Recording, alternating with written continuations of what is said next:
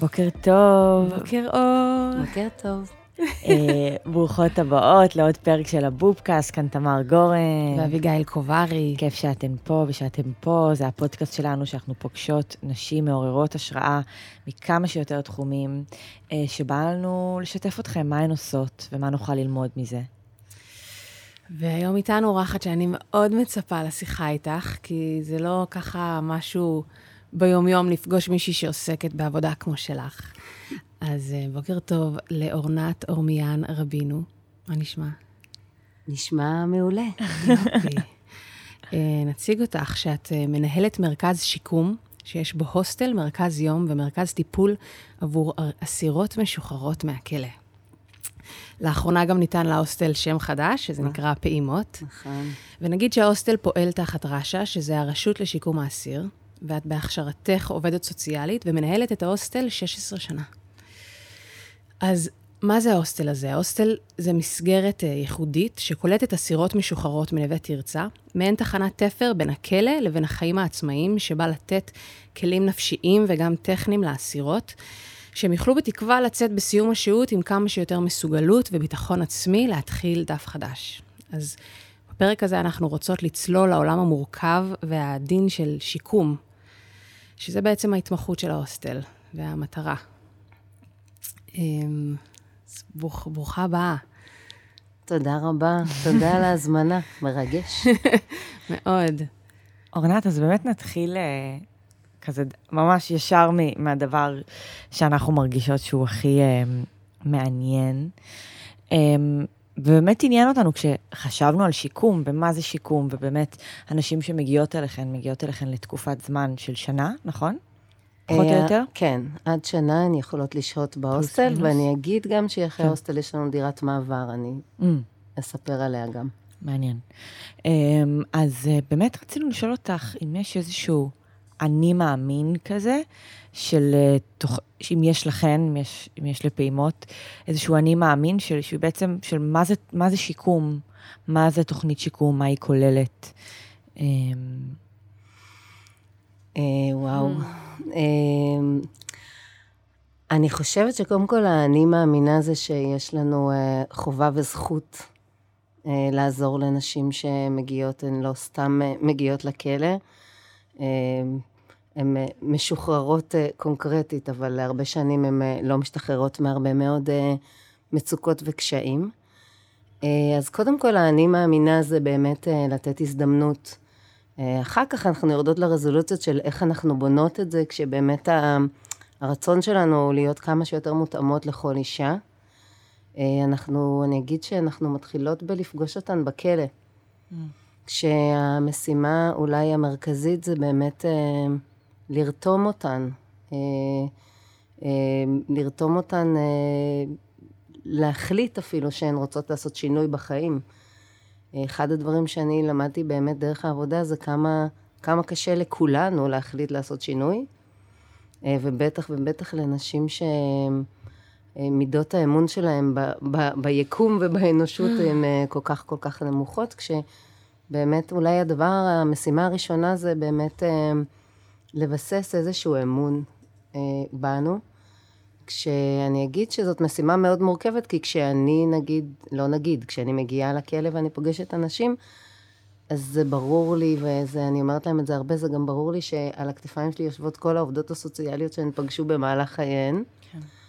שלצערנו אה, לא תמיד היו אה, אה, קשובות, רגישות, לא תמיד היה להן את המשאבים, ולכן מראש אנשים מגיעות עם המון מטענים אה, אלינו גם כמייצגות אה, ממסד. אני, חשוב לומר, אני עובדת אה, שירות ציבורי. הרשות לשיקום האסיר והאסירה זה אולי אחד השירותים הציבוריים האחרונים שנשארו ולא הופרטו. אמ, וכחלק מן הממסד אני כבר מזוהה קצת כאויבת. שלא לדבר על זה שאני בעלת עיניים כחולות פריבילגית, ו... כן. ובטח אה, הן חושבות עליי דברים אה, שחלקם לא נכונים, אבל אני יכולה להבין למה הן חושבות. אה, בקיצור, חובת ההוכחה היא מאוד מאוד גדולה. אמ, מעניין שאמרת שאתן מנסות לרתום אותן, כי אצלי בדיפולט, כשהתחלתי לשמוע על ההוסטל וזה, וגם כשסיפרתי לאנשים, זה היה, המחשבה שלי הייתה... הם, אה, כמה מתקבלות. ואז נכון. הבנתי שבכלל אה, מנסים שהם בכלל ירצו לבוא להוסטל הזה, כי אה, זו תוכנית נורא דורשנית, ובכלל לא מובן מאליו שהן רוצות להגיע לשם. זהו, יש גם שאלה, הרבה פעמים שואלות אותי ישר כמה מיטות יש אצלנו, אני אומרת, יש 12, ואז אומרים לי, זה ריקות." נורא מעט. ואני אומרת, ולפעמים הן גם אפילו לא מלאות, ה-12 יואו. האלה, וזה גם הוסטל יחיד במדינה שיש. אה, אז קודם כל נסבר את האוזן ונגיד שבכלא נווה תרצה בזמן נתון יש בערך עד 200 נשים. בניגוד לגברים שיש הרבה יותר, יש משהו כמו 8,000 אסירים בזמן נתון בבתי סוהר. אמ, כן, זה אחד הדברים שהרבה פעמים אני נשאלת עליהם, זה איך יש כזה שירות עשיר ואני אגיד בכל הצניעות גם אה, שווה, ו... והוא לא מלא. ואני חושבת שזה באמת יושב על המקום שאני אמרתי מקודם, שזה באמת, זאת באמת אוכלוסייה כל כך פגועה, שקשה לה, אני מדברת בהכללות, אבל קשה לה להחליט שהיא רוצה לעשות שינוי. כשהיא, כשלהיות כנות, גם נגיד שרוב הנשים, אם לא כולן, מגיעות אלינו קודם כל, כי הן רוצות להשתחרר שחרור מוקדם. זאת אומרת, המוט... אז זה בעצם מקנה להם... אה, כן, חשוב להגיד, אה, כמו, באח- כמו בהרבה דברים שאנחנו עושות מתוך איזושהי מוטיבציה חיצונית, תמיד אני אומרת, זה כמו אה, הרבה פעמים, זה נורא סטריאוטיפי שאני אגיד, אבל הרבה מאיתנו הנשים, מתי אנחנו מחליטות לעשות דיאטה? לפני שאנחנו מתחתנות כאלה. אז אה, זה הזכיר לי בצבא, שאת. יכולה להשתחרר מהצבא אם את נכנסת לאיזה תוכנית אחרת של אה, מחנה ק... לא יודעת, פתאום זה הזכיר לי את זה. נכון, משהו. נכון, אנחנו כן. הרבה פעמים מונעות מהמקום הזה של איזה, כן. מה אנחנו נקבל בתמורה, מה יצא לי מזה. אז אה, בעצם הרשות לשיקום האסיר, אה, היא, הרש... היא באמת הארגון שאחראי אה, לגבש תוכניות, אה, זה נקרא תוכנית שיקום בתנאי פיקוח, זאת אומרת, אה, כל איש ואישה בכלא, אחרי שהם מרצים אה, שני שליש מתקופת המאסר, יכולים לעלות לערכאה משפטית, זה, זה כמו בית משפט שנקרא ועדת שחרורים, אתן שומעות על זה הרבה בהקשר לכל הוויכוחים שלי אם לשחרר או לא לשחרר. Mm-hmm. ועל מנת לקבל שחרור מוקדם צריך להציג תוכנית אה, פיקוח, תוכנית שיקום בתנאי פיקוח. אה, ולהצדיק אותה ולשכנע את הוועדה למה מגיע לאותה אישה להשתחרר מוקדם לתוכנית. אה, אותה אישה גם צריכה, אמורה להתחייב לתנאים של התוכנית שהם לא פשוטים. אה, אז אולי נתעכב על זה רגע. מה... מה התנאים? זה מאוד משתנה. אז למשל, אחת ה... התוכניות הן אה, מגוונות, אבל למשל אחת התוכניות זה לבוא ולהתגורר, לשהות ולהיות מטופלת במסגרת של הוסטל, ש... שזו נחשבת התוכנית הכי, הכי קשה והכי הכי דורשנית, נקרא לזה ככה, אבל במקביל גם הכי עוטפת. שזה הרבה פעמים המצב הזה שבו אה, צד אחד חושבת שהיא יודעת מה טוב לאישה, והאישה רוצה משהו אחר. זאת אומרת, זה הרבה פעמים השיח הזה של אה, אני יכולה אה, להתרשם ולחשוב שאישה, נכון שתגיע למסגרת עוטפת כרגע, כי קשה לה לשים גבולות, כי יש לה, כי יש אנשים בחוץ שהם לא מיטיבים עבורה, והיא לא תרצה בזה. אז בעצם אנחנו מדברות על, אה, על זה שכאילו את משתחררת מהכלא, ובמקום, לא יודעת, לחזור לבית, למשפחה, לסביבה. בהנחה הזאת. שיש בית, כן. כן, בהנחה שיש. אבל גם אם יש, ויכול להיות שהוא מאוד לא מיטיב, נכון. אה, אז, אז במקום לחזור ל... נגיד לזה, לסביבה המוכרת, זה לעבור לגור אה, לתקופה הזאת נכון. אצלכן, שזה באמת נראה לי שכל אחת שרגע תחשוב על זה, זה באמת לא פשוט. היית בכלא, לעשות עוד איזשהו, לא לחזור לגור בסביבה מוכרת, לחזור עוד פעם לסביבה שיש בה תנאים, אני מאמינה. כן. יש תנאים, ואני חושבת שהדבר שהוא הכי קשה, אה, זה שרואים אותך. שאני חושבת שלכולנו יש כל הזמן, אני יכולה להגיד על עצמי, לי יש משאלה מאוד גדולה שיראו אותי. מצד שני, יש לי גם משאלה שלא יראו אותי, כי לא תמיד אני רוצה שיראו לי. כן. אבל... אה, למה את מתכוונת? תרחיבי את הנקודה הזאת. תראי, מעצם זה שאת גרה בבית שהוא בית טיפולי, ונמצא בו הרבה צוות, יש לנו אנחנו 11 נשים בצוות, כל אחת עם תפקידים אחרים, אה, את מאוד מאוד חשופה. עכשיו, אה, כשיש לך אישויים של אמון, אז כל מה שקשור לחשיפה, מיד אה, האסוציאציה והחוויה הרגשית היא חוויה שלילית, לא חוויה מיטיבה. כן, פולשנית. כן, זה כמו שגם מגע, הסיפור של מגע, אצל, אני שוב עושה הכללות מאוד מאוד גסות, אבל עצם המגע הוא בדרך כלל מגע אה, רע ותוקפני, הוא לא מגע נעים. Mm-hmm. אז אה, לבוא למסגרת כזאת שבה את חשופה, החל מזה שרואים מה את אוכלת, איך את אוכלת, כמה פעמים את מתקלחת ביום, אם את מתקלחת ביום, כמה בגדים יש לך. אה, עצם הלבוא להוסטל, יש בזה לפעמים מין סוג של הצהרה של אין לי לאן ללכת. זה hmm. מאוד מאוד מביך ומביש להגיד אין לי לאן ללכת. צריך הרבה אומץ לבוא ולהגיד בחיים האלה אין לי. אמ, אז כל הצעד הזה הוא צעד לא פשוט, ובאמת גם מה שאת אמרת, אמר שזה להמשיך, הרבה פעמים באמת אומרות, אני הייתי עכשיו במאסר עם כל כך הרבה נשים, למי יש כוח לגור עוד פעם עם נשים? להתחשב בנשים, אני רוצה את החופש שלי.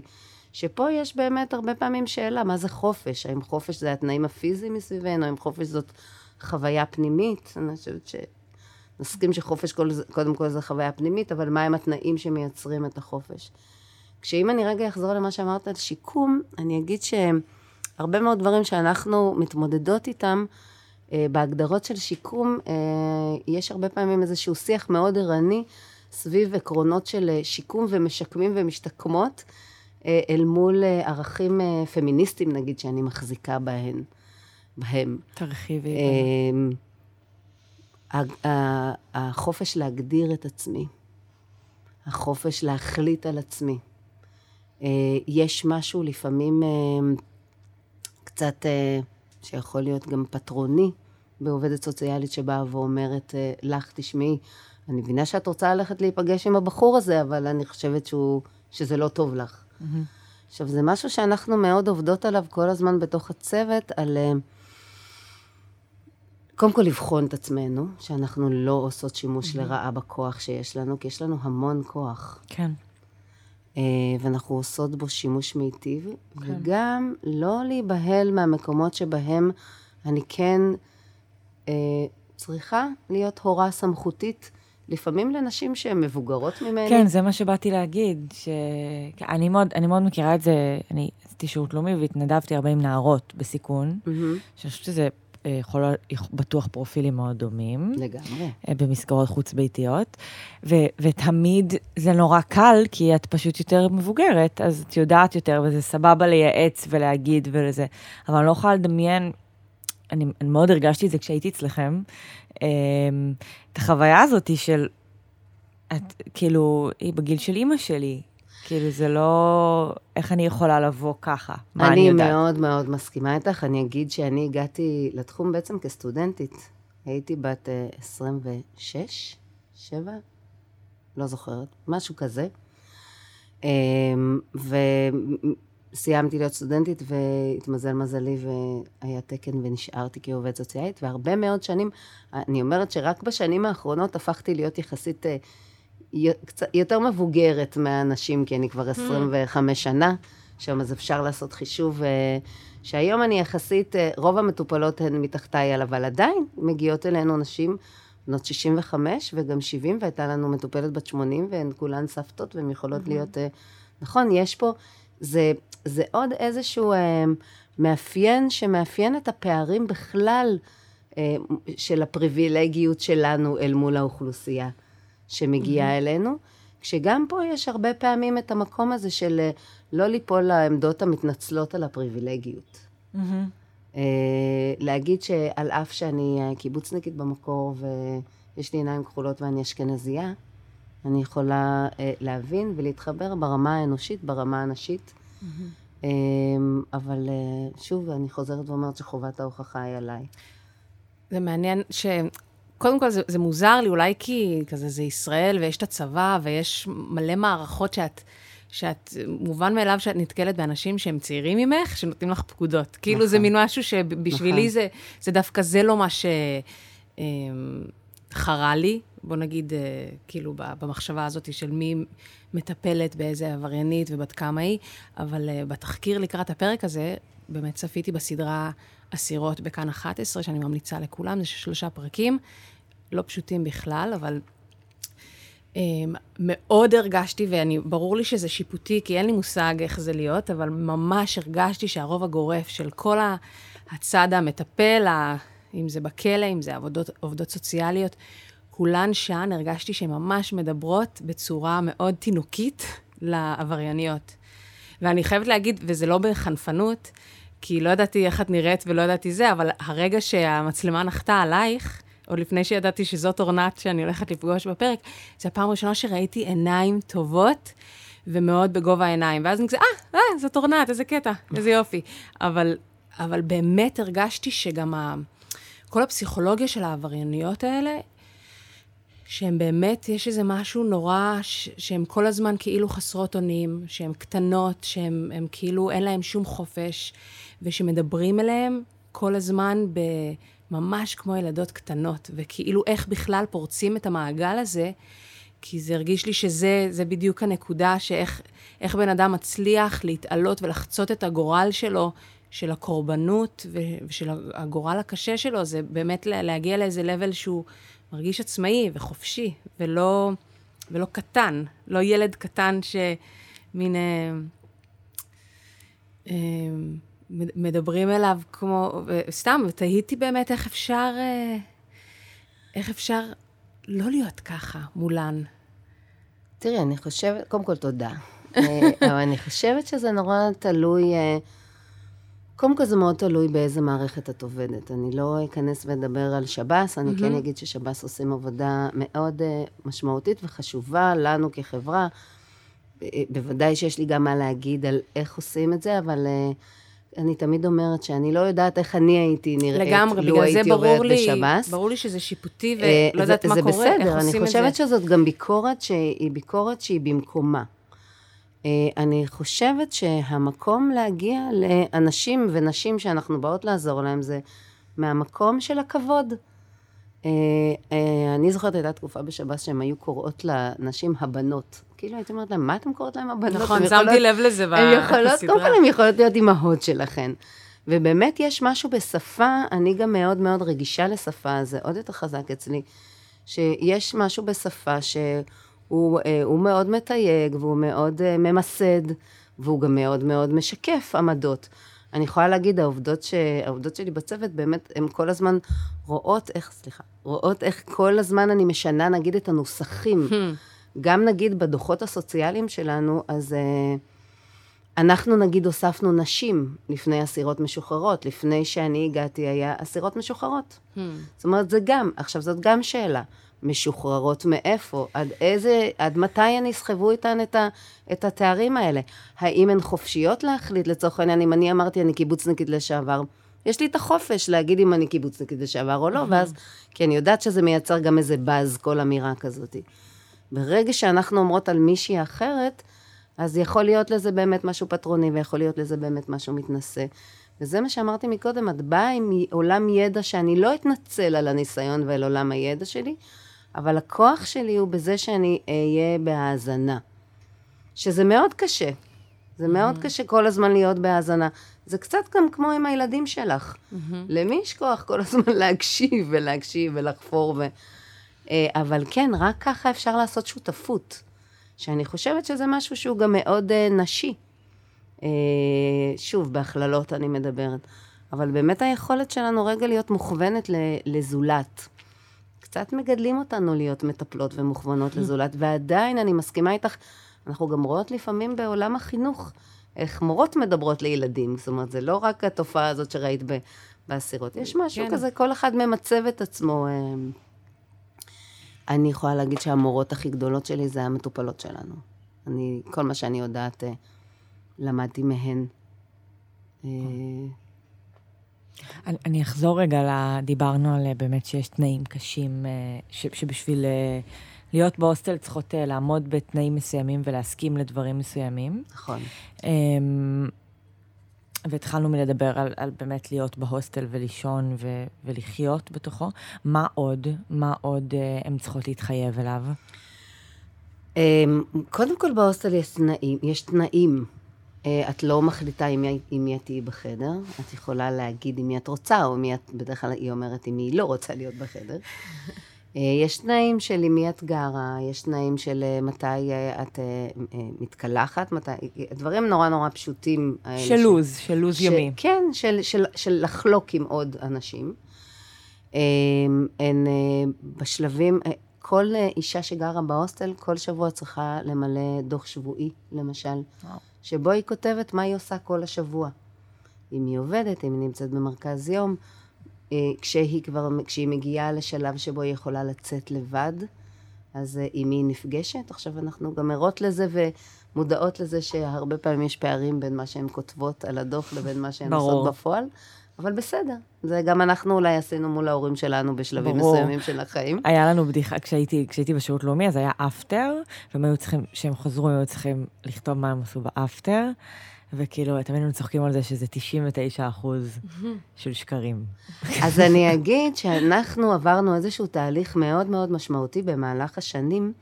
כשאני נכנסתי לעבוד, אז היו המון no-nos, כאילו, מלא דברים שאסור לעשות, כולל איזושהי מה שקרה ברשות לשיקום האסיר, זה שבעצם אה, היה קצת עשו גזור הדבק לתפיסות הטיפוליות עם אה, אנשים ונשים מכורות, ששם יש המון המון אה, כן. הגבלות. למשל, יש איזו תפיסה שגם, זו קצת תפיסה שגם לקוחה מהנרקומנים האנונימיים, מהתוכנית שלהם, שבשנת השיקום הראשונה אסור קשר רומנטי. אז מה שהיה זה שאנחנו כאילו אסר, אני אומרת כאילו, אסרנו את זה ברמת ההצהרה, ואז כאילו הן לא היו בקשרים. אה, ומה שיצא זה שהן היו בקשרים, אבל הן לא היו יכולות לדבר איתנו על הקשרים, כי אנחנו אסרנו את זה. זה רק כן. דוגמה קטנה של באמת איזשהו תהליך שאני נורא נורא שמחה ש... שעשינו במהלך השנים, מתוך ההבנה שאנחנו עובדות עם נשים שסובלות אה, מסימפטומים של טראומה מורכבת, של קומפלקס PTSD, כל הנשים שמגיעות לכלא, אני אעשה פה הכללה ויכול להיות שאנשים שמגיעות לכלא לא יאהבו את זה, עוברות טראומות מאוד מאוד קשות, כולל טראומת המאסר. והיום התפיסה הטיפולית כבר לא מעט שנים, באמת זה אה, תפיסה מוכוונת טראומה, שכל מה, שאם אפשר אה, להמעיט בכל מה שקשור לכוחנות ו, והחלטה ו, ולהכניס כמה שיותר שיח ודיאלוג ודיבור. עכשיו, זה לא אומר, מאוד יכול להיות שאני אדבר עם מטופלת, תגיד שהיא רוצה משהו, אני אגיד לה, תקשיבי, אני ממש מבינה, אבל עדיין אני לא מסכימה. Mm-hmm. אבל ברגע שיש איזושהי חוויה של הקשבה, זה קצת שונה. אז היום למשל, מותר להם להיפגש, אה, יש להם המון המון קשרים, ולשמחתי הרבה, הם גם הרבה פעמים יחזרו ויגידו, היה נורא קשה, כאילו, לשמחתי הרבה הם יגידו, לא שהם עברו את זה, כן? אה, הן יכולות לבוא אחרי אפטר, כמו שאת אומרת, וגם להגיד, את יודעת, הוא, הוא, הוא שכר חדר לשעתיים והייתי צריכה לשכב איתו למרות שלא רציתי. היא לא תגיד בדרך כלל נאנסתי, אני אולי hmm. אחשוב את זה ואשקול אם להשתמש ב, במילה המפורשת, אבל uh, היום יש באמת יותר שיח, ועדיין זה לוקח המון זמן. שנה hmm. זה נראה המון זמן, אבל זה קצת. אפרופו מה שאת אומרת על אה, טראומה, אמ, אז זה נשמע שבאמת, במיוחד בדוברות של ההוסטל, ובכלל כשמדברים על אסירות, מאוד מדגישים את הנתון הזה שאחוז מאוד מאוד גדול, אם לא בפועל כולן, מגיעות מרקע, כאילו לפני הפשיעה, לפני העבריינות, הם, נוצלו מינית, עברו איזושהי התעללות פיזית, מינית, ו, ושזה להבנתי בא ל... לספר משהו אחר לגמרי לגבי הפשיעה שלהם. וכאילו, אם זה, אני לא יודעת אם זה לעומת גברים, אבל גם בשביל, אמ, אני מניחה בשביל להקדים איזושהי חמלה מאוד גדולה כלפי האוכלוסייה הזאת. איזה חוסר, אה, להפחית את השיפוטיות, את, ה, את המקום הזה. אז רציתי לשמוע קצת על זה, כאילו, גם מבחינת הפסיכולוגיה של הפשיעה הנשית לעומת הגברית, ו, ומה זה גם אומר, בנו, לא יודעת, אני מניחה שיש לזה השלכות גם, כאילו, של אמ, חוק, חוקים, או, או, או, נו, אה, עונשים, כאילו, לגבי הדבר הזה, כש, כשאת באה לזה כבר עם, ה, עם הידע הזה. קודם כל אני אגיד, אה, אני פה לדבר על נשים, אבל אני גם אגיד שגם גברים מאוד מאוד סבלו. כן. זאת אומרת, מה שאני הולכת להגיד הוא, הוא, הוא נכון גם בצורה מסוימת על גברים, אבל נניח אותם רגע בצד. נשים שמגיעות לכלא הן בעצם איזושהי תמונה, תמונת ראי קיצונית של, שלנו כנשים בחברה, mm-hmm. עם כל ההתקדמות uh, האדירה, כמו שמרב מיכאלי אומרת. Uh, עדיין אנחנו חיות בחברה פטריארכלית, שמוקדי הכוח הם uh, נשלטים על ידי גברים. Uh, התרבות היא הרבה פעמים תרבות גברית, ההצלחה מוגדרת בקריטריונים גבריים הרבה פעמים, ולכן מראש אנחנו קצת... Woman is the nigger of the world, אין מה לעשות עם כל זה שאנחנו ב-2022, ואנשים שמגיעות לכלא הם באמת, רובן באמת באוכלוסיות מאוד מאוד מוחלשות. שיש שם הרבה, מה שנקרא גם טראומות מתגלגלות, זאת אומרת, יש איזה מין שוליות על שוליות על שוליות. גם uh, מזרח, גם, גם ערבייה, גם אישה, גם מוסלמית, גם uh, גרה בשטחים, גם, גם וגם וגם, הרבה גם וגמים. שזה רוב האוכלוסייה שמגיעה לכלא, ולכן מראש כבר אפשר לראות בפרטים הדמוגרפיים את המצוקה. Mm-hmm. אני אגיד שגם נשים שמגיעות, אה, אם ניקח אה, את הדוגמה של נשים שביצעו עבירות מרמה, שהרבה פעמים אנחנו יכולות להגיד, אה, הם מאוכלוסייה, כאילו משכבה סוציו-אקונומית דומה לשלנו, היו להם אה, מקצועות, בתים. הרבה פעמים כשמגיעים, כש, כשמתחילים לנתח ולהסתכל על ה... על, ה, על העבירה, כי העבירה היא סימפטום. העבירה היא סימפטום של מצוקה. אמ, אז כשיורדים לאטיולוגיה, מה שנקרא, למה שעומד מתחת, אז באמת רואים שיש שם הרבה פעמים מצוקה, שלא לדבר על זה שרוב עבירות המרמה אנחנו רואות שהכסף לא נשאר אצל האישה, ומי שדחף הרבה פעמים זה הבעל, האח, האבא. אמ, כן, יש, אחוז מאוד גבוה של שידול, נכון? ל... כן, אני לא יודעת אם אני, המילה היא שידול, אבל כן, הפ, כמו כל דבר בחיים, הפשע הוא סוג של טקסט בתוך קונטקסט. והקונטקסט הוא קונטקסט חברתי שבו אנחנו עדיין נשים. אמ, ואנחנו עדיין אה, יושבות בעמדות כאלה ואחרות. באותה מידה, לא באותה מידה, אבל באותה דינמיקה שאנחנו עדיין עובדות סוציאליות ומורות. זה לא סתם, כל המקצועות האלה. כל... עכשיו, אני רוצה להגיד משהו על, על עבריינות. אה, למה רואי, עבריינות זה, זה עוד סימפטום למצוקה. ולכן אה, רואים הרבה יותר עבריינות אצל גברים הרבה פעמים, כי זה, זה סימפטום שלכאורה יש בו אקטיב, אקטיביות וכוח. אה, כשנשים, הרבה פעמים את המצוקה, רובנו כנשים, את המצוקה שלנו אנחנו מפנות פנימה, מה שנקרא acting in ו-acting out, שזה כאילו ההגדרות הבסיסיות של איך, איך גברים ונשים באופן סטריאוטיפים, סטריאוטיפים מביא, מביעות את המצוקה. היום זה מתחיל להשתנות ו, וטוב שכך. בחברות מסורתיות זה עדיין מאוד מאוד ברור, שנשים, כשהן במצוקה, הן מפנות את זה פנימה. הן מפתחות סימפטומים של הפרעות אכילה, הן מפתחות סימפטומים של פגיעה עצמית כזו או אחרת. והרבה, האלימות שלהן מופנית כלפי פנים והרבה פחות כלפי חוץ. אה, לכן גם נמצא פחות נשים בכלא. אני כאילו מצד אחד זה משמח שיש פחות נשים, מצד שני אני אומרת, אולי זה גם פחות משמח, כי זה אומר שאנחנו פחות אקטיביסטיות. הפמיניסטים, ש... הפמיניסטית שבך רוצה ש... כן, כאילו האקטיביזם. כי יש משהו, בכש... כאילו, אני אומרת את זה הכי בפשטנות, שכשאתה... כשאתה נוקט באלימות או במשהו כזה, זה, זה אקט של שליטה, של כוח. נכון, שאתה נכון. מרגיש איזושהי מסוגלות לעשות את זה. נכון, את מאוד מאוד אמ, צודקת, זה בדיוק החיבור בין החוסר אונים, כשאני חשה חוסר אונים, זה בדרך כלל המקומות שבהם אני נהיית יותר תוקפנית, וזה נכון לגבי כולנו. Mm-hmm. אבל מה שאני אומרת זה שלתוקפנות פני, פנים רבות לה. כן. ואצל נשים באמת אנחנו רואות הרבה מאוד, אנחנו הרבה יותר מתוחכמות מגברים, אין מה לעשות. בוא נודה בזה לטוב ולרע. אם לא נודה בזה בבובקאסט, איפה נודה? בדיוק. אני כבר מכירה גם כמה גברים שמודים בזה, אז אנחנו התקדמנו. אה, אז כן, זה, זה, זאת מורכבות מאוד מאוד גדולה. אה, אני כן אגיד שנשים אה, עוברות חוק נשפטות הרבה יותר לחומרה מגברים, חשוב לומר את זה. מה זאת אומרת? אני אסביר, זה נורא, כאילו לי זה נורא פשוט. אה, אישה שהיא עוברת חוק, היא לא רק עברה על, היא לא רק עברה על נורמות חברתיות של עברתי על החוק, היא עברה על נורמות חברתיות של מה מצפים ממנה. כי מצפים מאיתנו להיות עדינות, יפות, צייתניות. אני מגזימה, אבל אני לא מגזימה. אה, לחשוב על הילדים שלנו לפני זה, אישה שנכנסת hmm. לכלא. תשמע הרבה פעמים את השאלה, מה, לא חשבת על הילדים שלך כשעשית עבירה? אני לא חושבת שזאת שאלה ששואלים גברים. אה, אישה שנכנסת לכלא, גם כל המשפחה שלה מתפזרת אם יש לה ילדים. גבר שנכנס לכלא, נשארות שם נשים לטפל בילדים בדרך כלל. Hmm. זאת אומרת, יש לנו המון תפקידים חברתיים להחזיק את הדבר הזה שנקרא חברה, משפחה, וואטאבר. אה, ולכן אנחנו נשפטות הרבה יותר לחומרה. גם, גם אישה... זאת ממש טכנית, העונש, עונשים יהיו יותר כבדים? לא, אני לא... תראי, יש כל מיני מחקרים, אני מודה שאני ממש לא אה, עדכנית בעניין.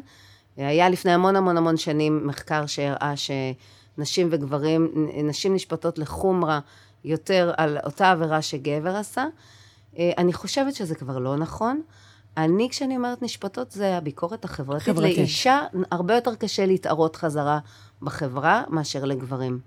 ו- ואת זה אנחנו רואות בשיקום מאוד מאוד חזק. אז, אז בואו נדבר על זה בעצם, על, ה, על החזרה ל, לחברה, על החזרה, על הרצון להיכנס, ובאמת מה, ה, מה הקשיים שנתקלים בהם קודם כל, קושי מאוד מאוד גדול. אה, אני אגיד, אה, עם כל אה, חיבתי והלויאליות שלי לחברות שלי, העובדות הסוציאליות, האוכלוסייה שלנו, גם במחלקות הרווחה אפילו, זאת אוכלוסייה שלא כל כך רוצים לגעת בה.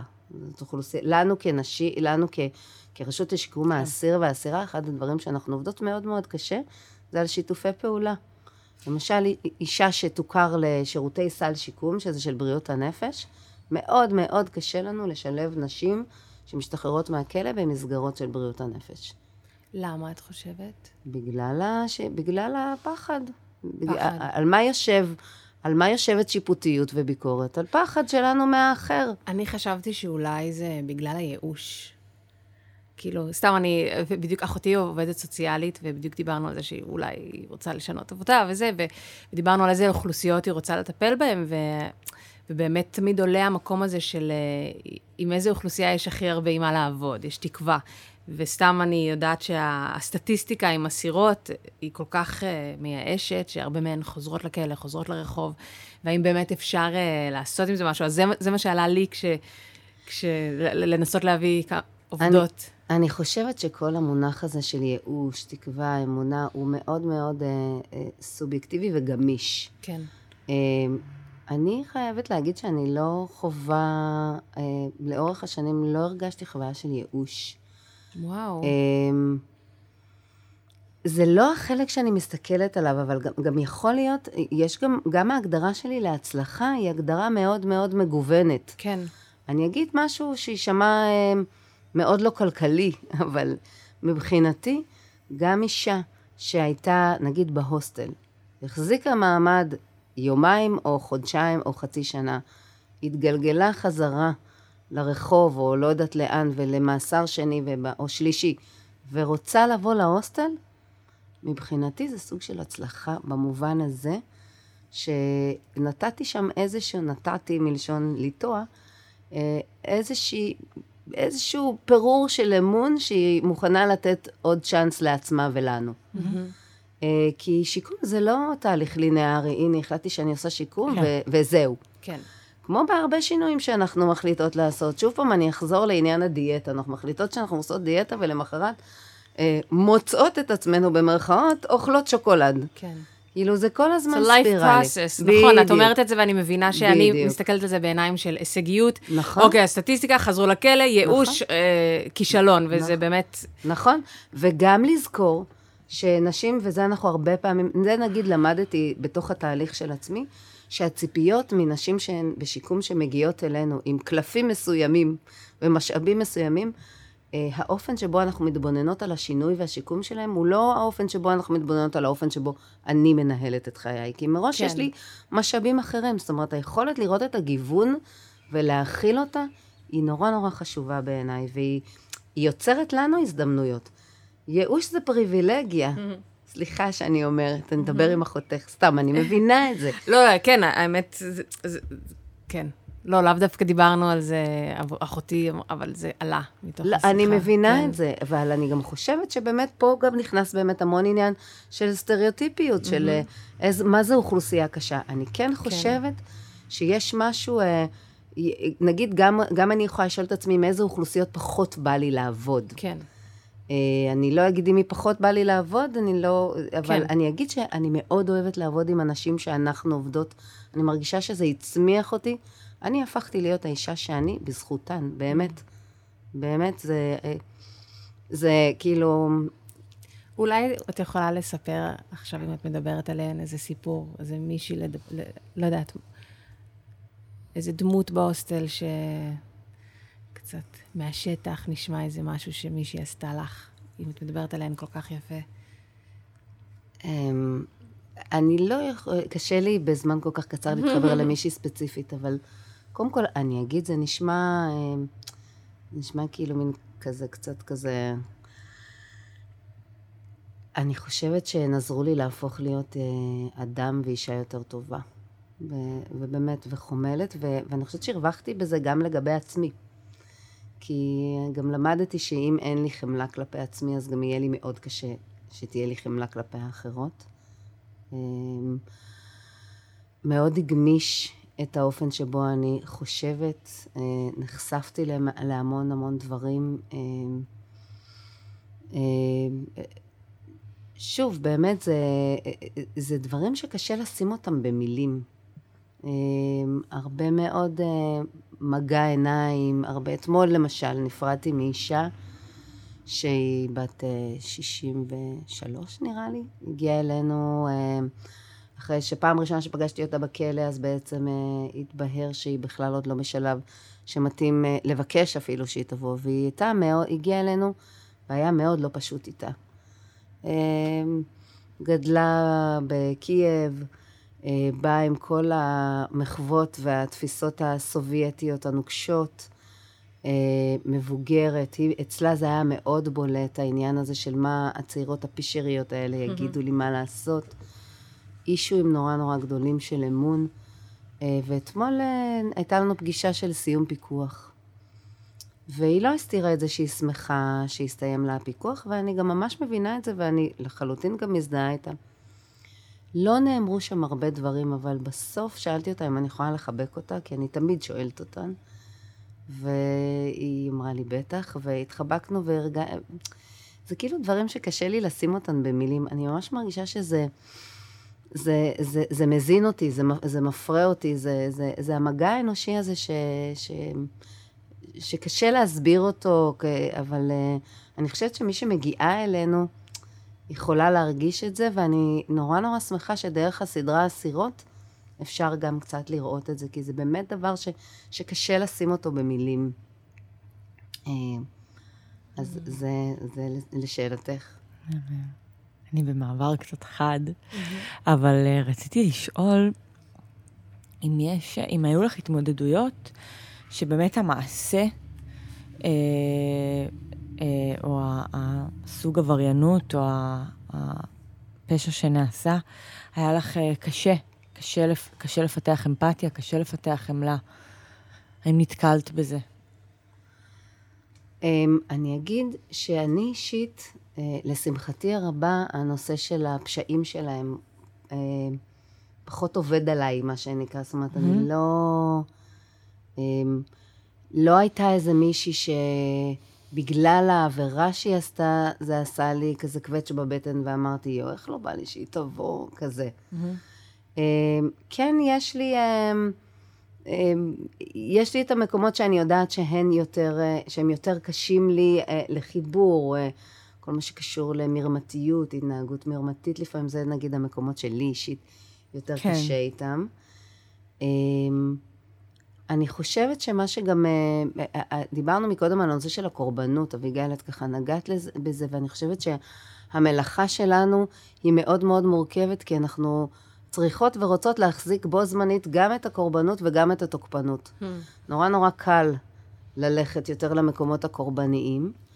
אני כן אגיד שמה שעוזר הרבה פעמים באמת לפתח את החמלה ואת האמפתיה וגם את הבנה של נסיבות האירוע של העבירה, זה באמת להבין למה הן קרו ולמה הן התרחשו, לא ממקום של אה, אה, לסנגר על הדבר הזה. אני חושבת שנשים עשו הרבה פעמים מעשים מאוד מאוד קשים, אבל ברגע שאת מבינה מה מניע אותנו, אז, אה, אז, אז הדברים נהיים יותר פשוטים ל...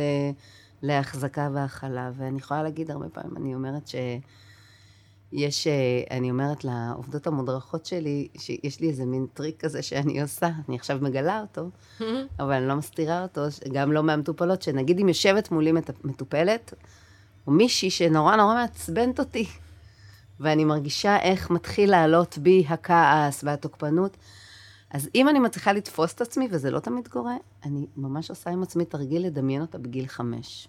כן. וזה עוזר לי. ברור. זה עוזר לי. אז אפרופו לדמיין אותה בגיל חמש, אני חוזרת עוד פעם לזה שבאמת, אני כאילו, קשה לי להפריד את, ה, את המחשבה של, של עבודה עם אותן בנות שהן נערות, וכאילו, ו, וזה באמת, שזה מעורר יותר תקווה. כשאת פוגשת נערה בת 16, שיש לה כנראה אולי את כל הקווים או את כל התנאים ל- להפוך להיות עוד כמה שנים אסירה, או כבר בהתנהגויות עברייניות, ואת, ובאמת אמ, משהו בגילאים האלה מעורר תקווה. כן, זה מעניין, כי אני דווקא מרגישה הרבה פעמים הפוך. שדווקא הנעורים... ש, כן, הנעורים וה... כן, הנעורים וה... הם בלאגן. הנעורים והכוח, הרבה פעמים אנחנו שומעות, נגיד, אה, המדריכות אצלנו הן מנטוריות. חשוב להגיד שהצוות שלנו הוא צוות מאוד מאוד אה, מורכב באופן חיובי, כן. ויש לנו חמש עובדות שהן בעצמן נשים, חלקן אפילו היו במאסרים. את זה אני זוכרת, כן. חמש עובדות שבעצמן עשו תהליכי שיקום, עדיין עושות, כי שיקום זה for life. וואו. והן עובדות, ו... הרבה פעמים אנחנו נשמע אמירות כאלה, יש כל מיני אמירות כאלה של יש לה עדיין כוח, יש לה עדיין את היופי שלה, יש לה עדיין מקום כן, ברחוב. היופי זה טוב. אה, כן, כאילו ודווקא הצעירות... כאילו שזה מצוין לרעה. כן. שזה כן, לי שזה... כן, כן. דווקא הנשים, שוב, אני, גם אני לא, אגיד בצניעות ש... שאין לי את כן. יכולת הניבוי, וטוב שאין לי את יכולת הניבוי, אבל הצעירות הרבה פעמים, הן לא מחזיקות, הן עוד לא... אה, הם עוד, אה, הם עוד לא במקום של אה, לוותר. נכון. נכון. ובשיקום גם... את צריכה המון המון לוותר. נכון. אני חושבת שדווקא מעניין מה שאת אומרת, כי אפשר לראות, נגיד, נערה, זה מן הסתם גם עניין של גיל, אני בטוחה, וגם מן הסתם שהורמונים ורוח הנעורים ויופי וזה לא עוזר. וגם כביכול. זה לא בדיוק גיל שאת נותנת אמון בעולם המבוגרים. נכון, בואי. אבל אני כן חושבת שאפשר לראות את ה... את ה... את הרגע ש... ש... ש... שיש מקום לעבוד. זאת אומרת, גם אם זאת תהיה נערה שתבוא ותלך, ותבוא ותלך, ותבוא ותלך, ותבוא ותלך, אז באיזשהו שלב שהגלגל נכון. הזה מסתיים. אבל הרבה, הרבה מדברים בעבודה עם נערות בעצם על, הח, על איזשהו חלון כזה נורא ריק, בין גיל 18 כזה ל-24, שבעצם אחרי שהן מסיימות עם הרווחה, לצורך העניין עם מסגרות רווחה, ולא מתגייסות ולא בטוח זה, אז יש איזשהו ריק שהרבה פעמים בתוכו אמ, יש הרבה אמ, קיצ... כאילו, הגעה למקומות כמו פשיעה, ומעניין אותי אם את מרגישה, כאילו דיברנו הרבה על איזה סוג אוכלוסייה מגיעה אליכם ומה הן מגיעות, ועם כמה את מרגישה שלפעמים ההגעה לכלא, או המעשה שהוביל לכלא, הוא כבר מזה שהן לא הצליחו להיקלט בחברה עוד קודם. את מבינה מה אני אומרת? תראי, הכלא, היא, הכלא הוא פתרון חברתי לא טוב. כן.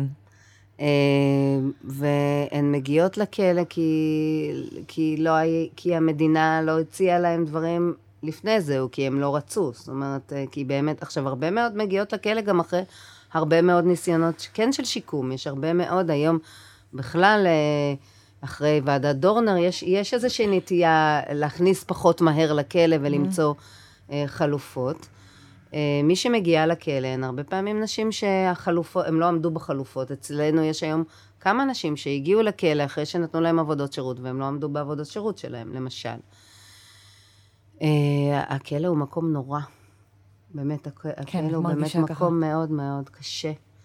אה, החל מהתנאים הפיזיים, כלה בזה שבאמת זה מקום קשה כי, כי את סגורה, וכי הדלתות נטרקות כל הזמן, וכי... זה ממש ג'ונגל שאת צריכה לשרוד בו. אמרת מקודם, אה, מה זה חופש? כאילו, שזאת שאלה שאני מן הסתם בטוחה שאת מתעסקת בה לא מעט. קודם כל זאת שאלה שאני מתעסקת בה גם עם עצמי. כן, כן, לגמרי, ברור. אה, ואני חושבת שחופש, אה, אין ספק שהיכולת שלנו לפתח את החופש הפנימי גם אה, אה, מאוד מושפעת מהקונטקסט שאנחנו נמצאות בה, כי עצם העיסוק בשאלה הוא כמעט פריבילגי לפעמים. אני לא חושבת שאנשים שמגיעות אלינו לטיפול עסקו בשאלת החופש הפנימי שלהם וגם לא הבחירה. למשל, אחד הדברים שאנחנו רואות מאוד מאוד חזק זה באמת מה, האם יש להן בכלל חוויה של בחירה. למרות שאם מסתכלים פילוסופית וגם לא פילוסופית, תמיד אנחנו בוחרות. יכול להיות שיש מעט אלטרנטיבות, אבל זה, זה אלמנט של בחירה, להשתחרר מוקדם או לא להשתחרר מוקדם, זאת בחירה. Mm-hmm. נכון שבין שתי אופציות אה, די מבאסות, אבל, אה, אבל כל החוויה הזאת של, של, של בחירה, של חופש, היא לא קיימת אצל נשים שמגיל צעיר אה, פלשו אה, לחייהן באופן אה, רגשי ופיזי. מגיל צעיר הן נאנסו, הן עברו התעללויות מאוד מאוד קשות. הן, הן היו במוד של לשרוד, זה בכלל לא חוויה שהן מכירות אותה. ולכן השפות הן לא, הן שפות שונות. שגם זה ייקח שנים עד שאפשר יהיה להתחיל לדבר איתן גם על זה. Mm-hmm. ואנחנו מדברות, זה לא שאנחנו לא מדברות, אבל זה נשמע כמו סינית מבחינתן. זה מעניין, השבוע, בהקשר אחר, יצא לי להתעסק עם הפילוסופיה של שפינוזה, והוא מדבר שם, אה, להבנתי, כאילו יש שם הרבה דטרמיניזם, ושהבן אדם אין לו באמת בחירה חופשית, כן? אנחנו מדברים על הבן אדם הנורמטיבי הרגיל, כאילו בכלל, הקי... חוויית הקיום שלנו היא כמו, אה, הוא אומר, אבן ש... שמעיפים אותה, אתה תופס אותה באוויר, האבן בטח חושבת שהיא עפה מעצמה, ו... והיא לא מבינה שבעצם העיפו אותה, והיא פשוט במסלול שלא נבחר מעצמו. ו... ושבעצם הגאולה זה, זה, זה חופש, ומה זה חופש? זה, זה ליצור משהו מעצמי. זה, כאילו ככה אני נמלטת מהדטרמיניזם הזה, שאני בסוף, אם זה יצירה, אם זה אומנות, אם זה עבודה, אם זה ליצור ילדים, וכאילו זה, אה, לטענתו, היציאה מה, מהגורליות הזאת, כזה תוך כדי התחקיר לקראת הפרק, זה מאוד הדהד לי את המקום הזה של, של כמה באמת אפשר להימלט מהגורליות הזאת. ו, ו, וגם אני חושבת שזה בכלל, כאילו, אנחנו מדברות עכשיו, אוקיי, על אוכלוסייה מאוד מאוד קיצונית, אבל זה, זה אלמנטים שמקיימים בחיים שלנו כל הזמן. כאילו, אנחנו נולדים לאיזושהי משפחה. נכון. וכמה באמת, כמה באמת יש לנו חופש בחירה בדבר הזה, ו... וכל ה... הבחירה היא מה לעשות עם זה. אני חושבת שעוד מונה, כאילו עוד מילה שאני חושבת שאני רוצה להכניס לשיח פה, זה הנושא של אחריות. Mm-hmm. כי בחירה באה עם אחריות. כשבוחרים בשבילי, אז אני לא אחראית. אז החליטו לי, לקחו לי, אכלו לי, שתו לי. חלק מה, מהקושי, ודיברתי על הוויתור, חלק מהוויתור זה גם להתחיל להיפרד מהעמדה הקורבנית פסיבית הזאת של... אה, רק אנשים אחרים מחליטים עליי ולא כן. אני. כי once אני מכירה בזה שיש לי יכולת של בחירה, אז אני גם צריכה לקחת אחריות על הבחירה כן. שלי. כן, ובהקשר הזה שעכשיו אמרתי, אז מאוד הרגשתי את זה, אה, שמה שאתן מנסות גם לתת לבנות, לאנשים האלה, לאנשים, הנה, כן. אה, זה באמת מקצוע שהם יוכלו לצאת לתעסוקה נכון. ולעבוד, והעצמאות הזאת, ושבסוף העבודה הזאת משחררת. זאת נקודה, אתן שאלתם מקודם, אה, תמר שאלה איפה מאוד קשה בשיקום. כן. כל הנושא התעסוקתי הוא מאוד קשה. כי מה? החל מזה שהן באות עם מעט מאוד משאבים, מגיעות אלינו נשים גם שלא יודעות קרוא וכתוב. מגיעות נשים שנפלטו ממסגרות חינוך בגילאים מאוד צעירים, בהנחה שהן היו במסגרת חינוך. בגיל מאוד צעיר, שאגב, גם אני אגיד, זאת ילדה שמגיעה לבית ספר, אחרי, אני, אחרי לילה שהיא נאנסת שוב ושוב ושוב, מן הסתם היא לא יכולה לשבת אה, ולהתרכז בכיתה.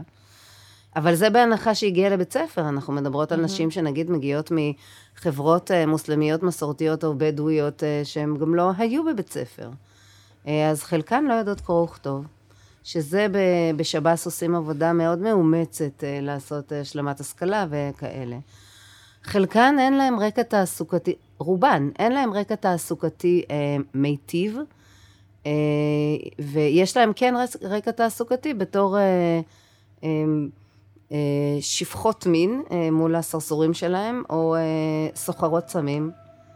אה, זה לא רקע, אה, לא רקע מיטיב לבוא איתו.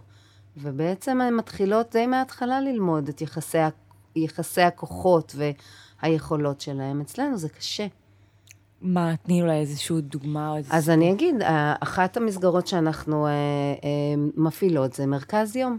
נשי, אנחנו הבנו כבר לפני המון שנים, שאישה, וזה בניגוד לגברים, שאישה שמשתחררת מהכלא, היא לא יכולה יומיים אחרי זה להשתלב בתעסוקה, לרוב. יש מעט מקרים, עכשיו בדיוק אה, גיבשתי שתי תוכניות כאלה של אה, נשים שהיה להן עבודה, הם ישבו על עבירת שוחד ומרמה, זה בדרך כלל האוכלוסייה, שכן מחכה להם איזושהי עבודה והם יחזרו לעולם התעסוקה. אבל רוב הנשים, החל מזה שהמאסר הוא uh, טראומה, וצריך רגע, שנייה, לאבד את זה, לעשות איזה tuning in, המסגרת שלנו, כמו שאת אמרת, תמר, מסגרת מעבר בין חיי כליאה מאוד אינטנסיביים לבחוץ. אה, יש פנטזיות נורא גדולות לגבי היום שאחרי, והפנטזיות האלה בדרך כלל מתנפצות לנו אצל כולנו. כן, לגמרי, נכון. כן, איך נכון. יהיה כשאני אתחיל דף חדש? החופש, כן, בדיוק. אה, אז אה, במרכז יום אצלנו, שפועל חמישה ימים בשבוע, משמונה וחצי עד שלוש וחצי, באמת הן שם מתחילות ללמוד מושגים של זה שאם בא לי עכשיו סיגריה, זה לא אומר שבהכרח עכשיו אני יכולה לצאת לעשן סיגריה, כי גם במקום העבודה שלי אני לא אוכל לעשן רק מתי שבא לי. אז המרכז יום הוא בעצם מדמה... כן, אה... בהרבה מובנים הוא מדמה מקום עבודה. איך אני מתלבשת, אנחנו מעירות להם, יכולה לבוא מישהי עם בגדים שהם לא מותאמים אה, לסיטואציה, ואנחנו נדבר איתה על זה. אה, איך אני מדברת, כמה אני צועקת, כי, מה יקרה כשהמעסיק שלי יעצבן אותי. אה, להתחיל לעשות הכנה אה, למושגים מעולם התעסוקה, שאני אגיד, שאחד הדברים שנגיד אני הבנתי, שהם כאילו obvious, אבל הבנתי שהרבה מזה אנחנו מקבלות במסלולים, בסוציאליזציה שאנחנו עוברות בבתי, בגן, בבתי הספר, אחר כך בצבא. נשים שלא היו במסלולים האלה לא זכו. ואם הם זכו לסוציאליזציה, ל, ליחסי כוח, mm-hmm. היא לא בדיוק משהו שאני רוצה לשחזר אותו. אז זה ממש להתחיל מ... ממש ממקומות uh, כמעט בסיסיים.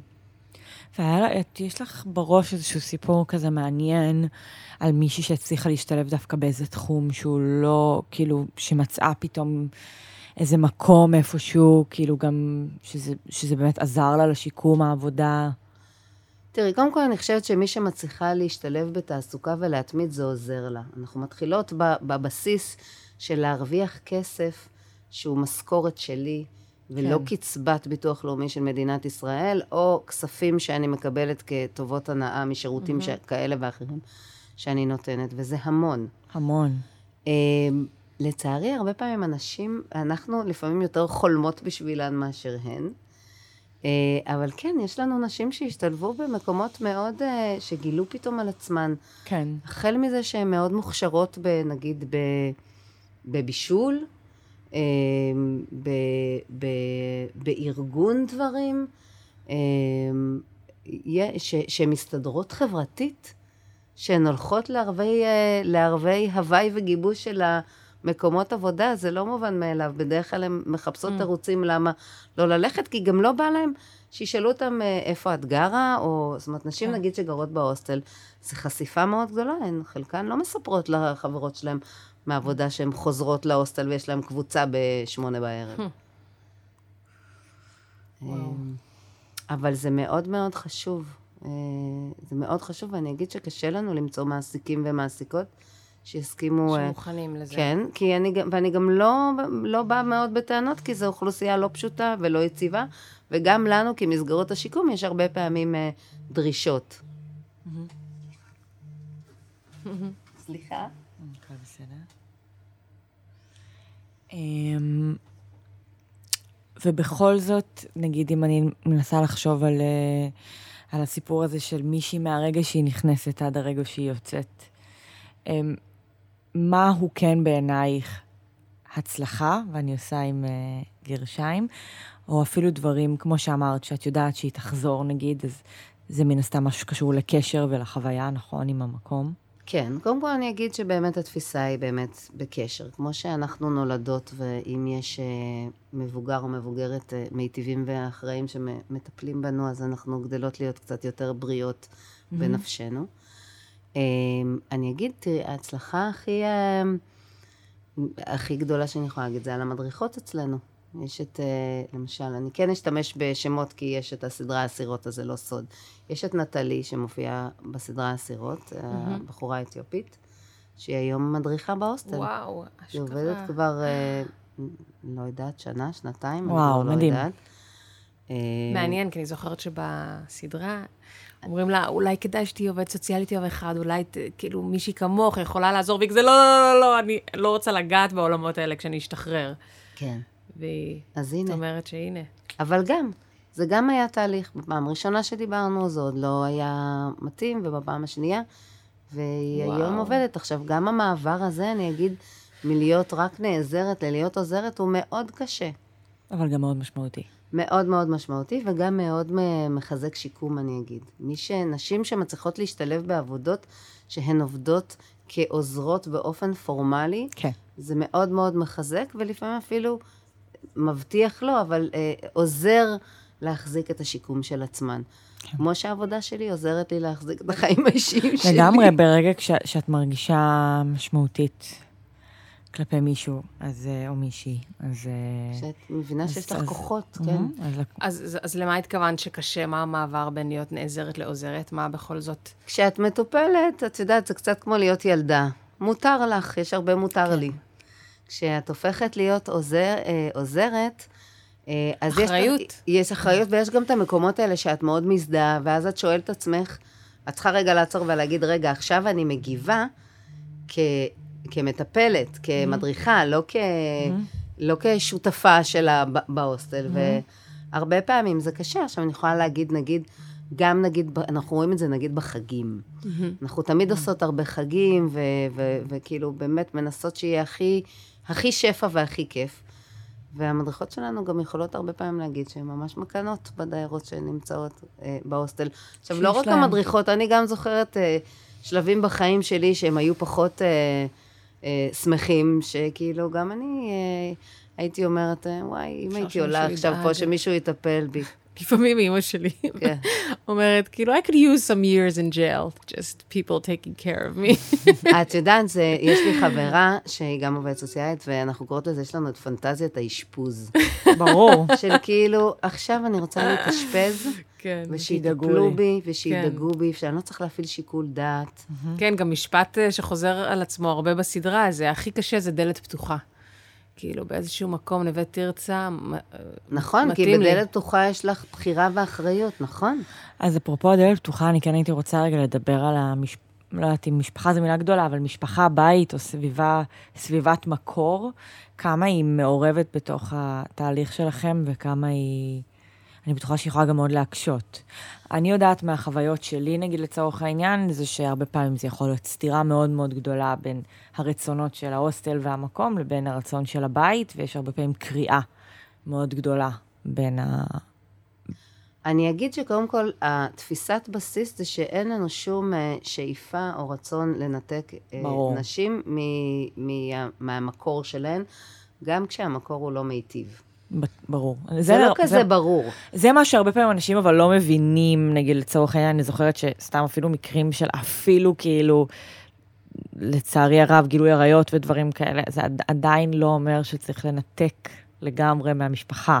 כאילו, וקודם כל, זה גם לא החלטה שלנו. אם כן. אישה מחליטה שהיא מתנתקת, אז היא מתנתקת ואנחנו נדבר איתה על זה, אבל אנחנו, זה לא החלטה שלנו. כן ההחלטה, כן השאיפה היא באמת לראות איך אפשר לאחות את הקרעים ולעשות איזשהו שיקום של הקשרים המשפחתיים. ולכן, אמנם אין לנו בתוך, ה, בתוך הסט טיפולים שלנו, אין לנו טיפול משפחתי, אבל אנחנו כן נפגשות עם, אה, עם בני משפחה או אחרים משמעותיים או משמעותיות, כדי להבין, כדי גם לתווך להם את ההוסטל הרבה פעמים. אה, אה, לפעמים ההוסטל יכול להיות גם מאוד מאוד מאיים. בטח לנשים שמגיעות מהחברה, חברה יותר מסורתית, בין אם היא חרדית או בין אם היא אה, מוסלמית, של מה, איזה שטויות אנחנו מכניסות לנשים לראש ואיזה שטיפת מוח אנחנו עושות להן. כן. אה, אז כן, יש הרבה מאוד התייחסות. יש הרבה מאוד, אה, יש לנו באופן קבוע, יש לנו קבוצה לאימהות, שהמוקד שם זה, זה ההורות שלהן. Mm-hmm. ויש הרבה מאוד התייחסות. המשפחות עצמן הן לא מאוד אקטיביות ופעילות. יש כמובן ביקורים, הן יכולות גם לצאת באיזשהו שלב לביקורים. לצערי הרב, אצל נשים, אה, יש הרבה מאוד נשים שאין להן קשרים בחוץ. יש לנו נשים היום בהוסטל שהן גם לא יוצאות לחופשות כי אין להן לאן. שהמשפחה גם הפנתה עורף, וזה מאוד מאוד מחזיר לכמה אנחנו סלחניות כלפי נשים שסטו, וכמה אנחנו סלחניות כלפי גברים. כי לגבר, באופן סטטיסטי לגברים יש הרבה יותר רשתות תמיכה מאשר לנשים. יאללה, נחזור. אנחנו צריכות להתחיל לסיים. אוקיי, אז אנחנו לקראת סיום. מה נגיד? ממש אה, מעניין וטוב לשמוע את הדברים האלה ולהיחשף לדבר הזה, זה חשוב. תודה שהקדשת לנו זמן ועל העבודה שלך. אני גם חושבת שבאמת הדבר הכי חזק שאני לוקחת ממך זה, כאילו, אנחנו באמת, רוב השיחה היא, אנחנו מדברות על דברים קשים, ו... ועצובים, וכאילו על, ה, על, ה, על הצד היותר שלילי, אבל בכל זאת אני מרגישה שבאמת זה, זה הכל יחסי, ובתוך כל זה יש את המיקרוקוסמוס של, ה, של התקווה, של החיבור, של ה... של ה... שיש איפה לנחות, שיש את העיניים הטובות, יש את המעטפת, ונשמע שאת אה, את במקצוע הנכון, שטוב ש, שאת שם. כאילו, לשמוע אותך מדברת על זה, נראה לי ש... מדהים שהן פוגשות אותך שם, במסגרת הזאת. תודה. אה, אני מרגישה שזו זכות גדולה. כן. ממש. יש לנו פינה. אוקיי. שאלות מהירות בדקה. אוקיי, מלא. אני אתחיל? אמרת שאת כזה לומדת הרבה מהן וזה, אז אני בטוחה שיש איזה שיר שהם הכירו לך, שאת uh, עדיין אוהבת. לא, לא חייב להיות שיר שהוא פסקול ההוסטל, או שאת אוהבת במיוחד? אה, לא יודעת להגיד לך, אבל אני יכולה להגיד שאני מאוד נחשפת למוזיקה לא בעברית ובאנגלית. לא בעברית ולא באנגלית. כן, נגיד ראפ רוס, אה, ברוסית, מגניב. שמעתי פעם ראשונה בהוסטל, וזה מגניב לאללה. מדליק. זאתי מקייב?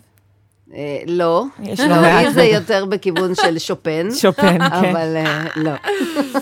אוקיי, אמ, ואם יכלת להכניס משהו אחד למתכונת של הכלא, שהיה משפר את החוויה, מה היית עושה? אה, וואו. לא יודעת להגיד. שיחבקו אותם יותר. לא יודעת mm-hmm. אפילו, לא יודעת. לא יודעת. תשובה יפה. מה? תשובה יפה. לפחות 20 חיבוקים ביום. מה התחביבים שלך? מה התחביבים שלי? אה, יוגה. אה, אני גם אה, לומדת ומתרגלת בודהיזם הרבה שנים. ולא יודעת, לשתות קפה עם חברות. שלושה דברים מצוינים. ולאהוב את הילדים שלי, אבל זה לא תחביב. זה מקצוע. ואם לא היית uh, בתחום הזה, מה היית? וואי, זו שאלה מעולה שאני לא יודעת, לה, אני לא, לא, לא יודעת... זה כל כך לדמיין, את. זה כל כך אני, באמת, זה כל כך אני. זה כל כך גם, הזכרתי פה את הילדים שלי, שזה חלק מהבית שלי. הילדים שלי חשופים, כאילו, זה חלק מההוויה, ה... זה החיים שלי.